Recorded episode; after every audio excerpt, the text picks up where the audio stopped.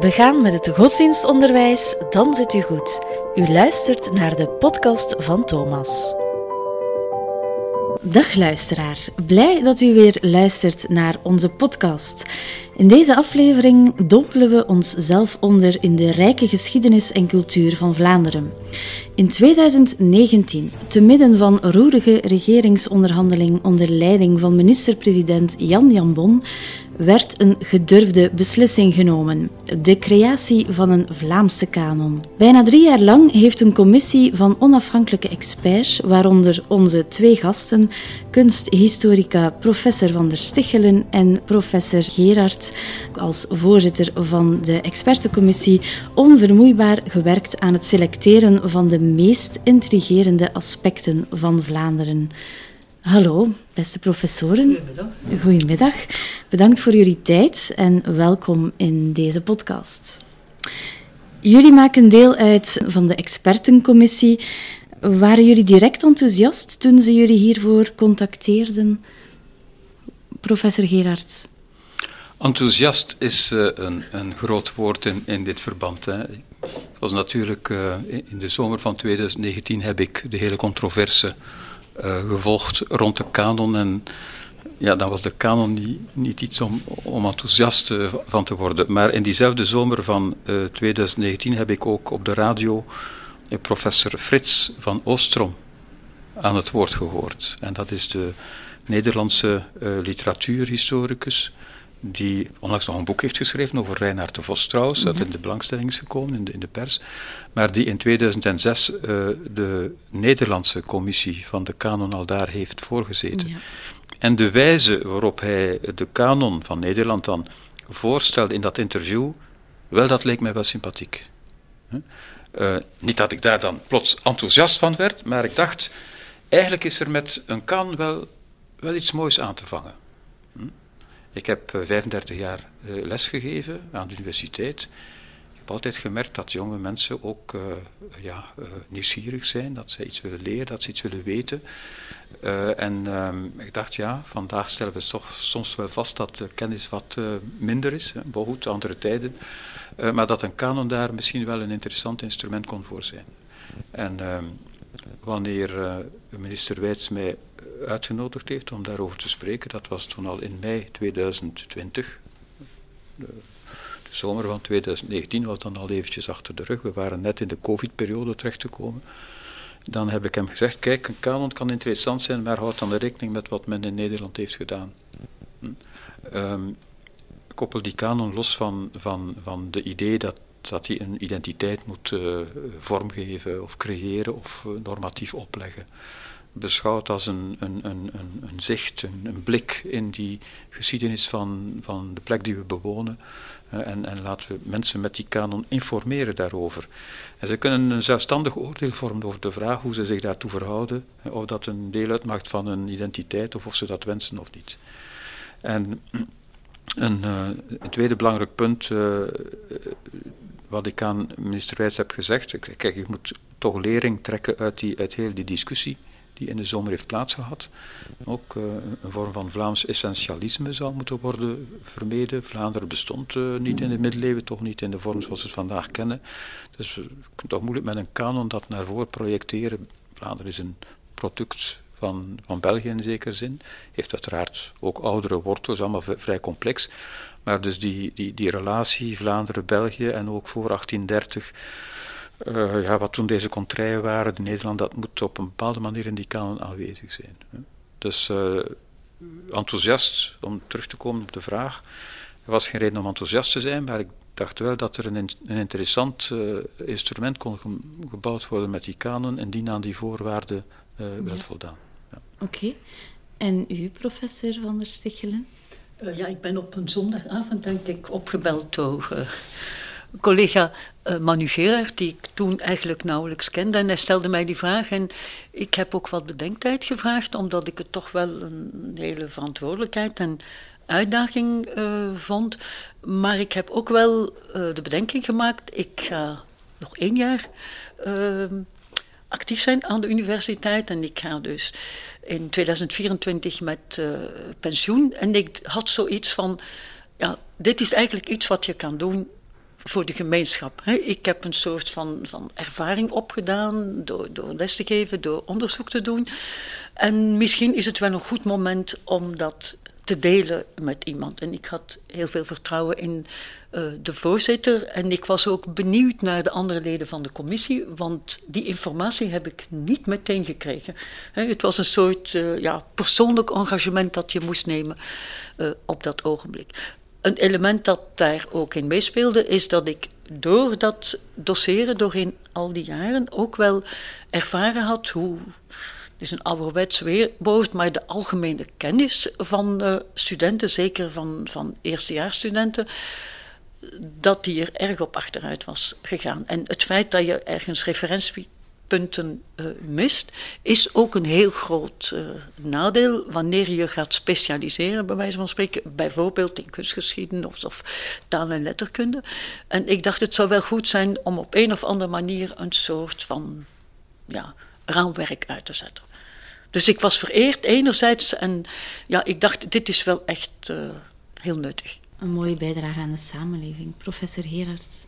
Ja, mag ik daar toch nog iets aan toevoegen? Natuurlijk. Um, want ik denk dat dat voor de, de, luisteraars van de podcast toch wel nuttig is om te weten. Wanneer minister Wijts mij dan vroeg of ik dat wilde doen, heb ik hem gezegd: ja, er zijn twee voorwaarden. Dat ik die commissie zelf mag samenstellen. En dus kon ik zelf telefoneren naar okay. collega Van der Stiegelen. En dat jij u niet zult moeien met de inhoud. Oké, ja. Ik vind dat wel twee belangrijke punten die ik hier even wil onderlijnen. Hè, want dat is eigenlijk de legitimiteit van, van de commissie en van de kanon. Dat, uh, dat hij is samengesteld door een, een, een, ja, een commissie die in alle zelfstandigheid heeft kunnen werken. En de politiek heeft dat, ik moet dat ook in alle uh, eerlijkheid -hmm. uh, aangeven, heeft dat gerespecteerd. Ja, hm. want u beiden komen van dit huis. dit huis is dan de KU Leuven. Hoe bent u dan bij de andere commissieleden terechtgekomen, professor Gerard? Wel, eh, als, als je mijn redenering uh, wil, wilt kennen, mijn eerste punt was, goed, er zijn negen leden in die commissie en de voorzitter uitgezonderd zullen dus vier vrouwen en vier mannen zijn. Je vindt altijd reden om te zeggen, er was daar toch geen voor of, of geen enzovoort. Nee, vier vrouwen en vier mannen. Dat moest zo zijn. En um, een tweede bedenking was, dat, en dat had ook te maken met de legitimiteit van de commissie eh, en het, ja, het Vlaamse landschap en het uh, Vlaanderen van vandaag kennende, dat, uh, dat er een vorm van pluralisme moest zijn. Hè. Ik noem dat voor mijn part katholiek en niet-katholiek, alhoewel dat toch een beetje een achterhaalde dualiteit is, denk ik. Hè. Maar dat weerspiegelde zich dan het best in het feit dat er uit vier universiteiten uh, collega's moesten zijn die aan de commissie deelnamen. Het zij dat ze deel uitmaakten van de universiteit, omdat ze daar professor waren. Het zij dat ze daar een langdurig engagement hadden, gehad in het verleden. En een derde uh, criterium was dan uiteraard, uh, er zijn maar twee historici. Nee, er moesten uh, literatuurhistorici bij zijn, een archeoloog, een kunsthistorici en dan de historici. Hè. Ja. En ja, wat ik ook noem publieke intellectuelen, hè, want in zekere zin beschouw ik Tineke Beekman en Hint Frahi als publiek intellectuelen, zij die, laten we zeggen, vandaag ook standpunt innemen in de samenleving, die ook vrij goed kennen en van daaruit ook, laten we zeggen, kunnen kijken naar wat de wetenschappers, hè, maar we zijn allemaal wetenschappers in de commissie op een bepaalde manier, maar toch op een, hè, uh, die, die dat kunnen aan een soort oordeel onderwerpen. Dus dat waren de drie uh, elementen in, uh, in, in mijn selectieschema. Ja. En dan kwam hij uit op 9 mei 2023. Hoe is de kanon volgens jullie ontvangen? Want jullie zaten waarschijnlijk wel op de eerste rij om te horen wat de reacties waren. Wel, eh, de reacties waren eigenlijk vrij positief. Hè. Uh, ik moet zeggen dat uh, vooral de, de titel van het artikel van Walter Pauli in, uh, in KNAK natuurlijk uh, hartverwarmend was, als ik dat zo mag zeggen. Hij zei, een kanon, het is een kanon om te, om te omarmen, of toch ongeveer zoiets voor een, een, een toonaangevend journalist, vind ik, in, in, in het weekblad Knak, vond ik dat wel een, een opsteker. Dan hebben we ook in, in de standaard toch positieve commentaren gekregen, terwijl het nogthans ja, de standaard was die een paar maanden tevoren op haar eerste bladzijde een haut-parleur had gegeven aan een, aan een standpunt tegen de kanon. En ja, er zijn eigenlijk toch vrij veel positieve reacties tot ons gekomen. We zien dat uiteraard ook aan, aan het feit dat het boek zelf uh, vrij ja, talrijk wordt, uh, wordt gekocht. Hè. Er zijn, ik denk op dit moment misschien al 25.000 exemplaren uh, de deur uitgegaan.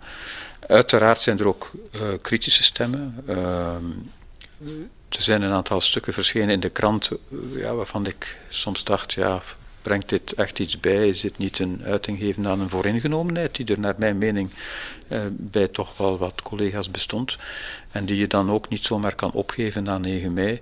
Maar uh, dat lijkt me toch in het geheel van, van de reacties een, eerder een, uh, een mindere kant te zijn. Ja. Een van de kritiekpunten was dat de Vlaamse kanon zou kunnen of durven neigen naar superioriteitsdenken. Dat was vooral voor 9 mei, voordat die uitkwam. Hoe heeft de commissie er eigenlijk voor gezorgd dat religieuze tradities en geschiedenis niet als superieur werden gepresenteerd in vergelijking met andere aspecten van de Vlaamse cultuur?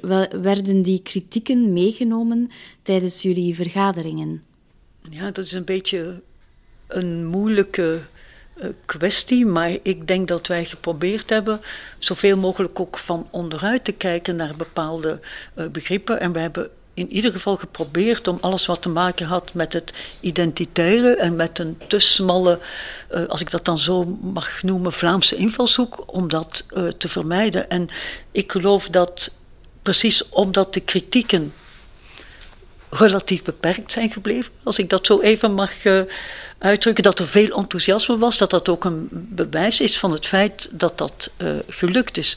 ik, ik, herinner mij dat Bart Eekhout in de Mogen iets gezegd heeft ook dat de kanon inclusief slim en verrassend was. En dat vond ik een heel mooi uh, compliment, omdat je dan meteen ook ontwapent. Hè. Het is meteen duidelijk als men dat opmerkt, opgemerkt wordt door een complete buitenstander, dat dat, dat superioriteitsdenken niet van toepassing is zou het woordje kanon daar niet voor heel veel tussen zitten? Omdat kanon toch een, een negatieve connotatie heeft. Is daar misschien in het begin een, een, ja, een Ja, ja we, we hebben over kanon uh, ja, eindeloos veel gediscussieerd over het woord. Hè, omdat... Ja. Uh, Eén, uh, het is een woord dat veel mensen niet begrijpen. Daar moeten we wel van vertrekken. Twee, uh, wie het wel begrijpt, uh, brengt het meteen in verband met een soort religieuze autoriteit of iets wat uh, in de eeuwigheid vast ligt. Hè. En uh, dat is toch ook een, een, een, idee dat we willen vermijden. Aan de andere kant bestaat het woord kanon uh, en wordt het woord kanon gebruikt voor kanon van literatuur, kanon van kunstwerken. Het is niet dat dat, dat dat begrip niet bestaat en ook niet buiten de religieuze sfeer. Dus in die zin uh, ja, leg ik mij daar als het ware bij neer en dan denk ik, je moet kanon ook voor een stukje begrijpen op de wijze zoals de commissie het heeft willen definiëren. Namelijk als een referentiekader hè, van van zaken die er op een of andere manier toe doen, relevant zijn enzovoort, zonder dat we claimen dat, die, uh, ja, dat, dat Mozes van de berg Sinai is uh, neergedaald. Hè. Ja, uh, of dat ze eeuwigheidswaarde hebben. Dus de kanon is, is, een, is een tijdsdocument ook, waarmee ik niet wil zeggen dat men binnen 50 jaar plots 50 andere onderwerpen zou gaan bedenken, maar dat men wel kan binnen 50 jaar van dat nieuwe maatschappelijke belangstellingssferen de klemtoon kan leggen op andere zaken. Hè. Ja. Maar, maar België is in 1830 ontstaan en dat zal zo blijven tot in de eeuwen. Klopt, ja. En dan komen we eigenlijk tot de inhoud. Wat er juist in de kanon staat. Hoe moeten wij ons het proces van de samenstelling van 60 vensters van de kanon, hoe moeten we ons dat voorstellen? Dat lijkt mij een, een enorm werk. En dan nog met negen commissieleden en aller, iedereen zijn eigen expertise. Hoe beginnen jullie mhm. daaraan? Misschien eh, het, het volgende, en daarin hebben we ons ook in zekere zin geïnspireerd op het Nederlandse voorbeeld. We zijn niet uh, deductief te werk gegaan. Uh, een aantal principes vastgelegd. en de onderwerpen van de moesten aan die principes of die criteria voldoen. Uh, nee, we zijn inductief te werk gegaan. Hè. Vanuit het idee, de mensen rond de tafel zijn allemaal op een of andere manier expert. Hè. We, we, zijn niet God de Vader, maar we zijn wel ergens expert, want we zijn al jarenlang in ons vakgebied bezig. En degene die betwisten dat wij daar iets kunnen over zeggen, dat is ook een beetje vreemd. Van Ranst kan toch ook iets zeggen over COVID? Dat de kanon van Van Ranst dan? Ja, misschien wel voor een stuk. Hè? Maar, maar we nemen dat aan omdat hij een specialist is in zijn materie. En zo geldt dat ook voor de negen uh, collega's rond de tafel, die allemaal hun expertise hebben, uh, die uh, op het vak van, van, van collega Van der Stichelen, kunstgeschiedenis, door en door kennen, weten wat daar de kanons zijn wat de kritieken op de kanons is. Dus elkeen vanuit zijn expertise kan dan zeggen, tja, dat is, volgens mij zou dat de kanon kunnen zijn. En zo zijn we begonnen. Laat elkeen zijn kanon samenstellen. Nu is het ook zo dat de, de competenties van de kanonleden heel sterk zijn aangevuld door allerlei gesprekken met de experten. Dus wij hebben ook de relativiteit ingezien van de eigen expertise en daarom zijn er, eh, ik weet niet hoeveel, voorzitter, maar er is een heel aantal uh, interviews geweest met, met eigenlijk externe experten die onze eigen kennis, onze eigen inzichten konden verbreden. Wij hadden soms een idee en dan werd dat ook voorgelegd aan een commissie van experten met de vraag: kijk, gaan jullie daar, zijn jullie het daarmee eens? Hè? Kunnen we op die uh, uh, manier verder? En ik denk dat dat ook een, bijzonder waardevolle uh, toevoeging is geweest. Ja, ik ben blij dat u dat, u dat nog aanmerkt, want effectief, het zijn niet alleen de negen, uiteraard hebben de negen collega's van, van de commissie de beslissing moeten nemen, maar bijvoorbeeld een gesprek met een, met een expert in rechtsgeschiedenis. Hè. Aan, die persoon werd gevraagd, wat zijn volgens jou eigenlijk de belangrijke momenten? Hè? Wat zou jij binnenbrengen in een kanon? Wat zijn de valkuilen? Wat zijn de stereotypen? Wat zijn de dingen die je moet vermijden? Dat hebben we met inderdaad tientallen collega's, uh, universitaire collega's voornamelijk, ook anderen, uh, die gesprekken met hen gevoerd. Dus dat is inderdaad een, belangrijk punt. Ja, ja. Ja, dat moet een enorm boeiende oefening geweest ja. zijn. Wat jullie zeggen is dat er dus elke expert kwam op de vergadering met zijn eigen kanon. Was daar veel overlapping? Nu, ik denk dat het belangrijk is, omdat de voorzitter heeft de vraag gesteld: maak allemaal je eigen kanon. Hè, als een soort van de, uh, schets, als een soort van, van uh, oefening. Hè. En ik denk dat we kunnen zeggen dat ongeveer de helft van de vensters, van het aantal dat aanvankelijk was voorzien, dat waren er 50, hè, bij alle commissieleden ongeveer parallel uh, liep. En dat, dat was natuurlijk een enorme meerwaarde. Hè. Dus hoe pluralistisch de commissie ook was samengesteld, er was dus toch een, een soort basis waarvan we konden vertrekken. En dan hebben we het over vensters, maar we kunnen het ook breder gaan zien. Een venster bijvoorbeeld, het uh, treurend ouderpaar, dat uh, zou dan Wereldoorlog 1 moeten gaan symboliseren. Hoe hebben jullie dat aangepakt? Wel, ik ben blij dat u venster vernoemd, want we hebben tot nu toe in het gesprek eigenlijk uh, nog geen vensters, uh, of het woord venster laten vallen. Alhoewel dat ook een van de elementen was, moet ik zeggen, die ik in dat radio-interview met Van Oostrom bijzonder apprecieerde. Hè. Om te ontsnappen aan het lijstjeskarakter. Hè. Een kanon, dat zijn de 50 grootste kunstenaars, of de 50 belangrijkste gebeurtenissen. Hè. Zoiets. Um, hadden zij in 2006 dus het idee van we gaan we gaan vensters binnenbrengen in, in de kanon. En als er een figuur in de kanon zit, dan is het omdat die figuur een opening biedt op, op de ruimere tijd waarin hij of zij leeft. Eigenlijk is dat een geweldige vondst. Ja, zeker en vast. Het leerplan en, en tegelijk lijkt het, een, lijkt het eigenlijk een beetje vanzelfsprekend bij, bij ons. Maar, het is een geweldige vondst. Ja. Het is ook een, een prachtige metafoor. Ja, ja. Op die manier proberen we de kanon, waarvan je de rigiditeit, het, religieuze autoriteit, je trekt dat meteen open. Hè? En we hebben dat, dat idee van die, die venster eh, nog wat sterker uitgewerkt, denk ik, door eh, effectief dat onderscheid te maken dat je in het boek eh, en op de website kan zien. Een blikvanger, een thema en twee focuspunten. Uh, en uh, we hebben ons dikwijls het hoofd gebroken van, ja, wat gaan de mensen nu denken over de kanon? Wat staat er in de kanon? Men denkt spontaan aan, aan de blikvanger, maar voor ons is het thema eigenlijk belangrijk. En dan, je vermeldt daar juist de Eerste Wereldoorlog. De Eerste Wereldoorlog is, is een thema in de kanon. Ik neem aan dat, dat niemand zal zeggen dat, dat in de kanon van Vlaanderen, of nu die van Vlaanderen van anderen, maar goed, Vlaanderen in de Westhoek heeft er wel, dat, dat de Eerste Wereldoorlog geen thema in de kanon zou kunnen zijn. Maar de vraag is, op welke manier, als we vertrekken van dat idee blikvanger thema, op welke manier zult je die opstap naar die oorlog maken? En dan zijn er heel wat blikvangers die in aanmerking zouden kunnen komen. Zeker als je, als je mikt op het probleem van, van, van de doden, de, de vluchtelingen, het humanitaire ramp eh, van de oorlog, niet zozeer het militaire. Eh, je kan de menepoort nemen, om maar iets te zeggen. Dus, maar dan, dan hebben we dus voor elk thema gezocht naar een passende blikvanger. En ik denk dat, dat de lezer of de gebruiker van de website wel eens zou kunnen denken: ik zou hier ook iets anders kunnen voor kiezen. Fijn, ik denk dat dat juist een interessant debat kan zijn in het onderwijs trouwens. Waarom kies je voor, voor de beelden van Kulwitz? Interessant is hier dat dat een Duitse jongen is. We brengen hier ook vriend en vijand binnen. Hè?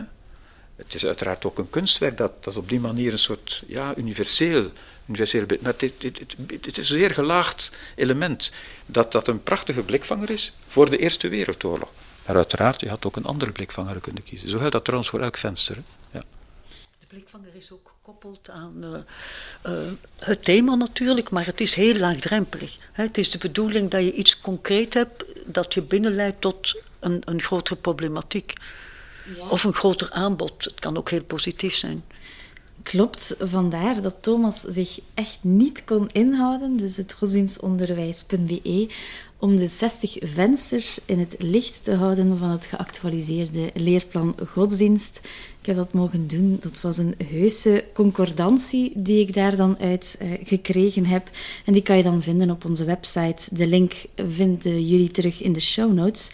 Maar wat blijkt daaruit? Op meer dan de helft van de vensters kan het vak godsdienst via de terreinen en ingrediënten een positieve bijdrage leveren aan de realisatie van de Vlaamse kanon in het onderwijs. En dat is natuurlijk wel ook wat u in het begin zei, professor Van der Stichelen, een um, referentiekader. Dat, dat er toch wel bij jullie ook een nood was om een referentiekader te gaan maken. Er zijn eigenlijk opvallend veel termen die naar religie en naar christelijke cultuur gaan verwijzen in de vensters. Is dat een bewuste keuze? Is daarover gediscussieerd? Bijvoorbeeld, wij vinden Begijnhoven, het Mechels Koorboek, het Lam Gods, de jeugdbeweging van Jozef Kardijn. Hebben jullie dat daar bewust ingestoken? Hoe is dat tot stand gekomen? Hebben jullie een discussie gehad over religie? Er is geen discussie geweest over de vraag of er te veel of te weinig religie in zat, denk ik. Ik heb mij geen zulke discussie te herinneren, maar het is natuurlijk een feit dat, dat laten we zeggen, de geschiedenis en de cultuur van deze gewesten voor een groot doordrongen is natuurlijk van, van de christelijke cultuur en van de christelijke godsdienst. En, en dat je ik zou bijna zeggen, weer eens maar ik wil dat niet, niet negatief doelen, uh, daarop stoot. Hè. Um, om nu heel concreet de Behein over te nemen, uh, dit zijn ja, monumentale uh, getuigenissen die, die vandaag nog altijd zichtbaar zijn in veel steden. En we hebben gemeend om, om in dit geval die monumenten te kunnen gebruiken voor een venster dat specifiek gaat over vrouwen die zich vanuit de religieuze optiek verenigen. Wat, wat wel een bewuste keuze was. Want daar moet ik toch wel van zeggen. Ehm, kijk, in het verleden werd er, ging het inderdaad meestal over mannen. Omdat het mannen waren die over mannen schreven. Vandaag kijken we toch op een andere manier naar het verleden. En dus hebben we toch wel recht willen doen aan het feit dat mannen en vrouwen hun rol gespeeld hebben de Begijnhoven waren in dit geval ook een uitstekende blikvanger om, om dat in, in het licht te stellen. Dus we hebben niet zozeer gediscussieerd over de vraag, moet religie erin of niet, maar wel besteden we voldoende aandacht aan wat we vandaag diverse samenleving noemen, en wat zich onder meer uitdrukt in de aanwezigheid van, van vrouwen en mannen. Dat is wel een bewuste, daar hebben we wel bewust naar gekeken. De kanon wemelt van de vrouwen, zou je kunnen zeggen, en dat sluit inderdaad aan bij wat... Uh, uh, collega uh, Gerard zegt. En het is ook zo dat, dat, om nog even terug te koppelen naar wat er daarnet aan uh, bod kwam, we zijn niet op zoek gegaan naar iets wat religieus was, maar dat religieuze is gewoon alom aanwezig. En dus we hebben gekeken naar die punten die, die bepalend zijn geweest in het verleden, ook voor wat we nu kennen. En dan, dan kan je niet anders dan uh, inzoomen, focussen op het religieuze. Ik denk aan, vanuit mijn uh, expertise aan het Lam Gods bijvoorbeeld. als je kijkt naar de, uh, de 15e eeuwse kunst, de, de, kunst van de hele late middeleeuwen, dat is een kunst die voor wat bewaard is gebleven, die voor 95% religieus is. En dan is het ook evident dat je kiest voor een werk zoals het Lam Gods, waar je een soort kristallisatie hebt van alles wat er uh, gedacht werd op religieus op, gebied op dat ogenblik. En waarin de hele spanning tussen religie en, en het wereldlijke ook uh, aanwezig is door bijvoorbeeld de presentie van die rijke opdrachtgevers op datzelfde uh, veeluik dus we hebben de dingen ook een beetje tot ons laten komen. En ik denk dat dat een, een, een rijkdom is geweest. Natuurlijk, wanneer we een aanbod hadden, zijn er beslissingen genomen. Maar dus het focussen op het religieuze is niet a priori een standpunt geweest. En ik vond het ook een aangename ervaring om te zien dat zowel collega's vanuit de Universiteit van Gent of van de VUB of dat die allemaal hetzelfde idee hadden, namelijk dat, dat uh, christelijke gewoon heel sterk aanwezig was als je keek naar het verleden. Hoopt de, de commissie dat de, het onderwijs, en dus voor ons met uitbreiding het godsdienstonderwijs, dat de kanon van Vlaanderen ook in het onderwijs een plek zou krijgen? Is dat besproken? Dat is uh, zeker besproken, want uh, we hebben ook een, uh, een adviesrapport opgemaakt, dat u ook kan vinden op de website. Dat is geen 100 bladzijden tellend dik boek, 35 tal bladzijden. waarin, waarin we uitdrukkelijk ingaan op, op de, de rol die de kanon in het onderwijs zou kunnen spelen. Nu, u zal ook weten dat we daar met een delicaat gegeven zitten, omdat uh, de kritiek op de kanon uh, bij het begin van de rit, in de zomer van 2019, was niet alleen dat het een vorm van Vlaams essentialisme uh, zou, zou creëren, maar ook dat het van bovenuit zou worden opgelegd aan het onderwijs, terwijl er toch eindtermen waren opgesteld door, door expertencommissies en die kort tevoren in, in werking waren getreden. Dus we hebben ons uh, wat dat betreft een klein beetje gereserveerd opgesteld. Alhoewel we natuurlijk wel van mening zijn dat, dat de kanon effectief een rol zou kunnen spelen in het onderwijs. Hè. De kanon is niet alleen maar gemaakt met het onderwijs in gedachten. Het is eigenlijk een, een instrument dat, dat voor de brede samenleving interessant is, denk ik, of zou kunnen zijn. En dat uh, op velelei plaatsen en in velelei verenigingen of individuele uh, bijzonder zou kunnen worden gebruikt. Maar het onderwijs komt natuurlijk altijd het, meest in, in de picture. En dan staan we op het standpunt dat, dat men van de kanon geen verplicht nummer moet maken. Hoe zou men dat trouwens kunnen doen? Hoe, hoe, hoe, hoe plaatsen die onderwerpen zich precies in een leerplan en over zes jaar gespreid, dat is absoluut niet zo duidelijk. Maar wel dat het voor uh, leerkrachten en, en leerlingen uh, die hun kennis wat willen bijspijkeren, op zijn minst al een, een, een, een, een bron van, van referentie zou kunnen zijn. In, in voorbereiding op een les kan je daar wel eens iets uit lezen. Hè. Maar je kan uh, als leerkracht ook die, die vensters op allerlei manieren gebruiken. Je kan ze uiteenrafelen, je kan ze deconstrueren bij manier van spreken. Je kunt met de beelden uh, allerlei, uh, ja, wat vandaag toch aan, aan de orde van de dag is, het historisch denken stimuleren. wat men dikwijls tegengesproken heeft, de kanon is een ouderwetse manier van, maar de kanon is helemaal niet bedoeld om als een tekstboek van buiten geleerd te worden, maar om leerkrachten en leerlingen te inspireren. En, en, en creatieve leerkrachten kunnen ongetwijfeld op, op vele manieren met dat materiaal aan de slag gaan. Ja.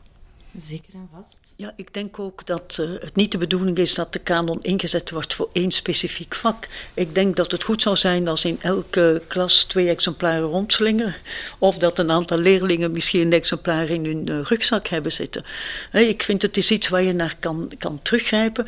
En het is heel beknopte informatie. Dus ik denk dat het heel nuttig is voor jongeren om uh, een boek te hebben waarvan ze weten wat daarin staat. Dat klopt, hè, dat is waar.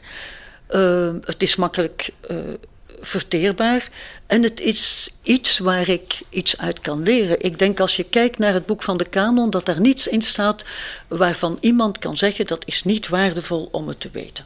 Voor iemand die hier woont of hier opgegroeid is, is het, is het goed om dat uh, te weten. Het is geen leerboek, het is geen leesboek, maar ik denk dat het kan gebruikt worden vooral om, uh, uh, om daarin te grastuinen en om precies alles op te nemen wat, wat, wat je boeit. En voor leerkrachten is het natuurlijk een soort, ja, een soort instrument. Hè. Zij, hebben, zij kijken op een andere manier naar die kanon en ik denk dat het voor hen heel makkelijk is om daar hun voordeel mee te doen. Ik heb dat ook al eerder gezegd. Ik vind het ook heel belangrijk dat de website er is. Maar ik vind het ook heel fijn dat er een boek op tafel ligt. Uh, het klinkt misschien ouderwets, maar als ik aan mijn oude geschiedenisboeken terugdenk, dan kan ik de helft van die plaatjes nog voor de geest halen. En dat was iets wat je kon vastpakken en dat gaf een soort van overzicht, dat was een soort van, van leidraad. We moesten daar misschien maar de helft van kennen, maar je, je had iets in handen. En als je kijkt naar de, de huidige leerlingen, die hebben heel weinig om op terug te vallen. Als ik denk aan mijn eigen kinderen, die kregen heel veel losse blaren. Hè? Of dan moesten ze iets op een website en dan, dan uh, nog iets in een andere vorm. Maar het is heel belangrijk, denk ik, dat je niet overspoeld wordt door informatie. En dat dat gebeurt op dit moment overal. Er worden weinig accenten gelegd. Wat is er nog belangrijk? He, wat moet je precies onthouden? En ik denk dat daarnaast een, een, een belangrijke functie ligt in de, uh, het boek van de kanon dat het een boek is dat kan corrigeren. Men zegt wel, een kanon is directief en, en ja, er zit te weinig nuancering in een kanon. Ja, maar tegelijkertijd is een kanon ook een boek, zoals ik daar straks zei, daar staat iets in wat waar is. He. Het aantal verkeerde concepten, verkeerde ideeën dat circuleert is natuurlijk heel, heel groot. En ook in het bijzonder bij leerlingen. Wat weten zij van bepaalde historische elementen? Dat, dat, dat is iets wat, wat heel veel mankementen uh, vertoont, denk ik vaak. En het is ook iets waar, waar verkeerde informatie in zit. En de kanon is gewoon iets waar je, ja, waar je op kan bouwen. Ik denk dat heel veel leerkrachten godsdienst daarmee akkoord gaan. Maar ook heel veel leerkrachten godsdienst gaan zich afvragen hoe komt het dat de grootste Belg, om het zo te zeggen, Pater Damiaan er niet bij staat. Ja, ik, ik, moet zeggen, Damiaan is wel gevallen in, in, in, in de loop van de discussies. Vraag me niet precies wanneer, en, en, maar waarom staat Damiaan niet in de kanon? Uh, nu, dat is ook weer een, een, manier van, van spreken. Wat, staat er in de kanon? Hè? Dus en, en, dan kan je denken aan het thema of je kan denken aan de blikvanger. Hè? Want ik stel vast dat uh, Eddie Wally nu wel in de kanon staat. Hè? Terwijl eigenlijk toch ook niet veel meer dan een met een afbeelding. Foto is. Hè? Ja, Dus um, wat staat er in de kaan? Voor, voor, ons was het thema eigenlijk belangrijk. En, en misschien is Pater Damiaan daar een beetje het slachtoffer van geworden. Hè? Want het is een, een priester die zich individueel uh, sterk heeft geëngageerd. Misschien zou je hem als een blikvanger van een, een vorm van missionering kunnen bestemmen. Alhoewel, uh, Damiaan is ook geen missionaris. Hè? Damian heeft zich ingezet voor die, voor, voor die, voor die zieke mensen in, in, in Molokai. Enfin, ik wil maar zeggen, er zijn overwegingen waardoor het moeilijker is om, om, uh, om eh, Damian binnen dat schema van die blikvanger en dat thema te brengen. Komt daarbij dat, en dat heeft uh, collega van der Stichen in het begin denk ik al gezegd, het is geen lijst van de bekende of groter grootst. Hè. Dan zijn er natuurlijk tal van namen waarvan ik ook ja, moet zeggen, het is spijtig dat die niet in de kanon staan. Um, nu moet ik wel in alle eerlijkheid bekennen dat indien we een foto van Damian hadden opgenomen, dat dat probleem eigenlijk niet zou bestaan hebben. Want dan stond hij net als Eddie Wally ook in de kanon. Oei, ja. Excuus voor deze vergelijking die natuurlijk ja. onrecht aandoet aan... Ja. Maar Pedro de Gante, Peter van Gent, mm -hmm. ik denk dat hij bij velen niet zo heel erg bekend is. Die staat er dan wel in. Ik kan mij, van waar komt opeens die naam? Want dat is wel al ver in, de, in mijn theologische studie dat ik die naam ben tegengekomen. Dat is natuurlijk, ik koppel dat aan groter, grootst enzovoort. Mm -hmm. de kanon bevat uh, in de blikvangers uh, een aantal bekende uh, gebeurtenissen of, figuren, maar ook een aantal minder bekende. Hè? Want voor Conno bijvoorbeeld hebben we uh, Fernana. Niemand had daar nog van, had al van gehoord, van, van die figuur. Ja, Dus dat is heel vreemd. Dus de, de kanon kan ook wel een aantal elementen, want let op, als we natuurlijk alleen maar herhalen wat honderd jaar geleden werd gezegd, ja, dan, dan dan wordt het pas vreemd natuurlijk. Als de kanon dynamisch is, dan brengt hij ook wel een aantal nieuwe elementen binnen vanuit misschien nieuwe inzichten of toch een andere kijk op, op de zaak. Dus in dat opzicht kunnen er ook wat nieuwe elementen in, in de nieuwe figuren en gebeurtenissen in de kanon zitten. Maar wat Petro de Gante betreft, ja, daar hebben we. Hier, was, hier gaat het eigenlijk over de, de ontdekking van een nieuwe wereld. Um, waar, we, waar we dus die, die vroege eerste kolonisatie, om het zo uit te drukken, uh, 16e eeuw binnenbrengen. En uh, hoe koppelen we dat aan, uh, aan deze regio? Want sterk genomen was, uh, of het nu Vlaanderen of Brabant was, waren geen koloniserende of, of imperiale mogendheden. Hè. We waren wel een deel van een groot geheel, de Spaanse of de Habsburgse Nederlanden. En dan is, is Petro de Gante een figuur die afkomstig is uit, uit, uit Vlaanderen dan, het Vlaanderen van toen uit Gent of bij Gent, een, een, interessante figuur. Ook omdat je daarin de, dus die, die paradox van, van die kolonisatie terugvindt. Hè. Van het een soort superioriteit, als we dat woord hier nu wel mogen gebruiken, gaat men de cultuur van ons opleggen en tegelijkertijd, en dat is voor Petro de Gantigo, vandaar dat het ook bijzonder interessant is voor een godsdienstles. Hè. Dat, is een, dat is dus een, een, een is geen priester, hij is een lekenbroeder. Ja, een Franciscaan. Maar, maar um, um, die tegelijkertijd vanuit dat christelijk geloof zegt dat, dat, dat klopt hier iets niet. Hè. Dat was zeer verfrissend ja. om die figuur tegen te komen in de kanon. Bedankt daarvoor. Uh, die was bij mij eerlijk gezegd ondergesneeuwd geraakt. Dus, ja, het is ook vaak vanuit een hedendaagse bezorgdheid dat bepaalde keuzes zijn gemaakt. Hè? Het is een inclusieve kanon en vandaar dat precies de actuele problematiek invloed heeft gehad op de selectie ook. Stel u voor dat u zelf nog een venster zou mogen toevoegen. Wat zou dat zijn? Wie wil graag beginnen? Professor Van der Stichelen? Ik, ik ja, ik moet zeggen, ik zou nog heel veel willen toevoegen. En uh, we hebben ons wel afgevraagd hoe de keuze zou gemaakt worden. Uiteindelijk hebben we een heel traditionele keuze gemaakt. He, laat ons zeggen voor Van Eyck, Breugel en Rubens. Dat, zijn de, dat is de bestaande kanon. He. Maar we hebben die dan wel in, de, in het thema, in de focuspunten proberen te relativeren. Omdat ik denk dat het in dit geval ook belangrijk is om... Uh, de geschiedenis geen geweld aan te doen. En de nuancering is ook gekomen door te kiezen voor een bepaald kunstwerk. Wij hebben niet gezegd dat zijn de drie grote kunstenaars, we hebben gezegd dat zijn een soort van, van sleutelstukken. Die zijn heel bepalend geweest voor eh, de verdere dynamiek in de kunstgeschiedenis.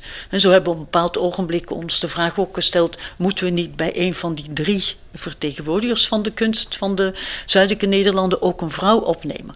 bijvoorbeeld de heel bekende stillevenschilderes Clara Peters. Er is even discussie geweest: kunnen we haar niet gebruiken als, uh, uh, als ik dat oneerbiedig zeg, als, als uithangbord voor die kunst van de, uh, de barok? Maar dan leek het ons toch wel evenwichtiger om te zeggen: wij gaan haar behandelen in een van de focuspunten. En we houden toch de blik op een van de grote religieuze stukken van, van de Rubens gericht. We hebben ook, dat was het geval voor de Begijnen, we hebben ook geprobeerd om af en toe uit te gaan van de leefwereld van jongeren en mensen van nu. Dus zij lopen rond in een stad, wat is centrum, wat is periferie. Dus zij kijken naar een stedelijke cultuur, hoe past een Begijnhof daarin, dat zien ze dagelijks nog.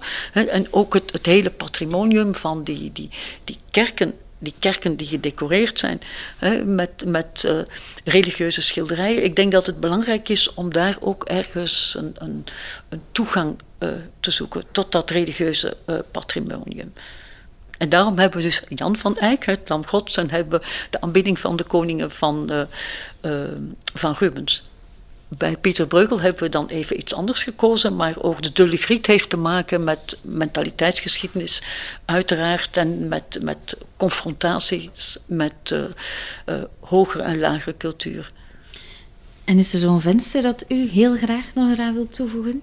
Uh, ik zou graag iets toevoegen in verband met ja, de toegepaste kunsten. dat is ook een, een beetje verouderde term, maar dat heeft te maken met die hele kunstproductie die er geweest is naast het schilderen. dus ik denk aan zilverwerk, ik denk ook aan sculptuur, ik denk aan, aan borduurwerk. dus dat, dat is een, een, een ongelooflijk patrimonium dat kwantitatief gezien, denk ik, verre de schilderkunst overschrijdt. En waar, waar ook vrouwen heel belangrijk geweest zijn en waarin ook de connecties tussen uh, uh, het artistieke en het economische vaak veel, nog veel nauwer zijn geweest. Ik denk bijvoorbeeld ook aan de productie van de wandtapijtkunst. Dus daar is een, een hele wereld die eigenlijk nu relatief weinig aan bod komt. We hebben wel extra poging gedaan om uh, alles wat grafiek is op te nemen, om daar meerdere referenties naar uh, uh, te maken, omdat alles wat prent is geweest, wat gravure is geweest, dat was alom aanwezig. Dat is iets wat, wat een nog veel grotere relevantie heeft gehad dan bijvoorbeeld het, het zilverwerk. Heel veel nieuwe geestesstromingen zijn verspreid dankzij de grafiek. Dus vandaar dat dat heel belangrijk is geweest. Dat is ook een medium dat vanaf de, de vroege 16e eeuw tot nu een heel grote uitstraling heeft gehad. Denk ook aan affiches en zo, dat behoort daar ook allemaal toe. Oké, oké, oké. Professor Gerard, wat zou u eraan toevoegen? Misschien eerst dit, en, en eh, mijn collega heeft al gezegd, de 60 vensters zijn er 60 geworden en geen 50. Dat is al een beetje een toegeef natuurlijk geweest aan een veelheid van onderwerpen dat op tafel lag. Maar dat de 60 eh, onderwerpen van de kanon het allemaal waard zijn om in de kanon te staan. Hm? Uh, en, want dat is een van de problemen, vind ik, als je later iets wil, wil binnenbrengen dat er nog niet in staat, moet dan iets sneuvelen dat er al in staat. Dat vind ik eigenlijk wel spijtig. Ik zou het liever zien dat men daar nog een paar. Geen koterijen zoals dat in de. de maar, maar dat, men nog. Vlaams, ja, misschien wel. maar dat men dus nog een paar vensters kan opnemen. En dan denk ik aan, aan het volgende. Ik, ik heb er zo wel wat meer in, in, in mijn hoofd zitten, maar ik ga er één vermelden. Um, we hebben vermeden, je zal het ook wel merken bij de tekst, wij spreken nooit van onze geschiedenis. Uh, want dat is een omstreden begrip vandaag. Ja, wat is ons precies? Wie zijn die wij dan? Wij. Hè? De, zijn dat de Vlamingen van vroeger, of de, de Brabanders? Of, maar toch denken mensen in die termen. Hè? Want het gaat, het gaat over deze gewesten waar ze wonen. Ja, dat, is, dat, dat is dan van ons, zeggen ze. En wij wonen hier. En wat dat je ziet, dat is dat uh, Limburg zich altijd uh, wat ja, ondergesneeuwd voelt. Hè? Omdat, en dat ook wel een realiteit zijn, dat het graafschap Vlaanderen en het hertogdom Brabant uh, economisch allicht ook dominanter waren uh, dan het graafschap Loon, dat deel uitmaakte op een bepaald moment, of de 14e eeuw al denk ik, of misschien vroeger, van het prinsbisdom Luik. Maar toch, je voelt, en dat is merkwaardig, in Limburg heeft men zo ook een eigen Limburgs gevoel eigenlijk. Dat men minder geneigd is om zich te herkennen in, in elementen die te maken hebben met het oude Vlaanderen en het oude Brabant. Alhoewel, ik moet wel zeggen, we hebben erop gelet, want er zijn veel elementen uh, die. Uh, de, de is niet ge geografisch feitelijk. Hè. Um, het gaat om thema's die, die zowel die je wel kan terugvinden in, in wat vandaag West-Vlaanderen is of, of, wat Limburg is. Maar toch blijft het natuurlijk zo dat het graafschap Vlaanderen, en als je het hebt over, over, over Jan van Eyck, zelfs, zelfs al komt hij uit Mazeik, nemen we aan, dat hij dan toch weer in Vlaanderen te situeren valt. Hè. Ik zou, eh, ik zou een, venster, een, venster dat specifiek gaat over het prinsbisdom Luik en het graafschap Loon, zou misschien wel interessant zijn, omdat het wijst op een specifieke eh, geografische en politieke constellatie die lange tijd haar sporen heeft nagelaten. Eh, misschien weet u zelf ook dat het bisdom uh, Hasselt maar een creatie is van de jaren 60 en dat daarvoor de, de huidige provincie Limburg, sinds 1830 dan, deel uitmaakte van het bisdom Luik. Dat is nog een restant van, laten we zeggen, een hele oude geschiedenis, waarbij Loon deel uitmaakte van het prinsbisdom Luik. Waarom is dat belangrijk? Omdat er zijn dus toch blijkbaar zo van die tradities die blijven voortleven. Men herkent zich in iets of men herkent zich in, in, in niets. Maar het zou ook eh, interessant zijn om te wijzen op de sterke uh, gerichtheid van, van Limburg, lange tijd, op, op Luik. Hm. Het zou een moment zijn om weliswaar in een klein beeld voeren even ter sprake te brengen. Maar dus uh, je, ziet effectief een soort andere gerichtheid eh, in die regio dan, dan er was in Brabant en, en in, in Vlaanderen. En zelfs al komt volgens mij Limburg voldoende aan bod in de kanon, ik denk dat specifiek op die realiteit wijzen voor mensen in Limburg een element zou kunnen zijn waardoor ze ook de kanon gemakkelijker als hun kanon zouden beschouwen. Nu, ik zie de kanon hier voor mij liggen. Het is een mooi boek geworden. En is het nu af? Is het klaar? Uh, wel, uh, mocht het een boek zijn, dan zouden we gezegd hebben: het ligt daar en we, zijn, we gaan allemaal naar huis. Hè? Ja, uh, maar ehm, er, is, er is de website en die, dat is een ja, toch vrij omvangrijke site eigenlijk. Hè. Heel wat komt bij kijken. Die vraagt onderhoud en niet alleen onderhoud, die, die, die vraagt ook blijvende dynamiek. Dus er is nood aan een, een soort continuïteit. Uh, alleen al vanuit dat, uh, dat oogpunt. Maar wanneer we natuurlijk ook denken aan de wijze waarop de kanon uh, in de samenleving een rol zou kunnen spelen, het onderwijs is daar een van de, van de mogelijkheden, ja, dan, vraagt, dan vraagt dat ook naar een, een, vorm van blijvende inspanning om met de kanon iets te doen. En dus een, ergens een groep van mensen die zich daarvoor verantwoordelijk acht. En ik zeg een groep van mensen, niet de politiek. Hè. Uh, en uh, in die zin uh, is er vrij snel voorgesteld om, om de kanon te verankeren aan een, een, een stichting, Kanon van Vlaanderen, die dan de, verantwoordelijk, de verantwoordelijkheid zou hebben om, om die kanon leven te houden, dynamisch te houden, inspanning te doen om de kanon ook op een of andere manier een nuttige rol te laten spelen. Dus ja, eh, er is nog een toekomst voor eh, de leden van de Kanoncommissie en hopelijk ook voor de Kanon. In ieder geval, het leerplan godsdienst en de kanon kunnen wel hand in hand gaan. Ik denk dat het een prachtig boek is om godsdienstleerkrachten te inspireren voor hun eigen lessen. Ook weer de diepgang. Ik heb zelf ook heel veel bijgeleerd weer uh, dat ondergesneeuwd geraakt is. Of ook echt wel nieuwe dingen. Dus heel erg bedankt hiervoor. Bedankt voor het gesprek en tot later. Dank u wel.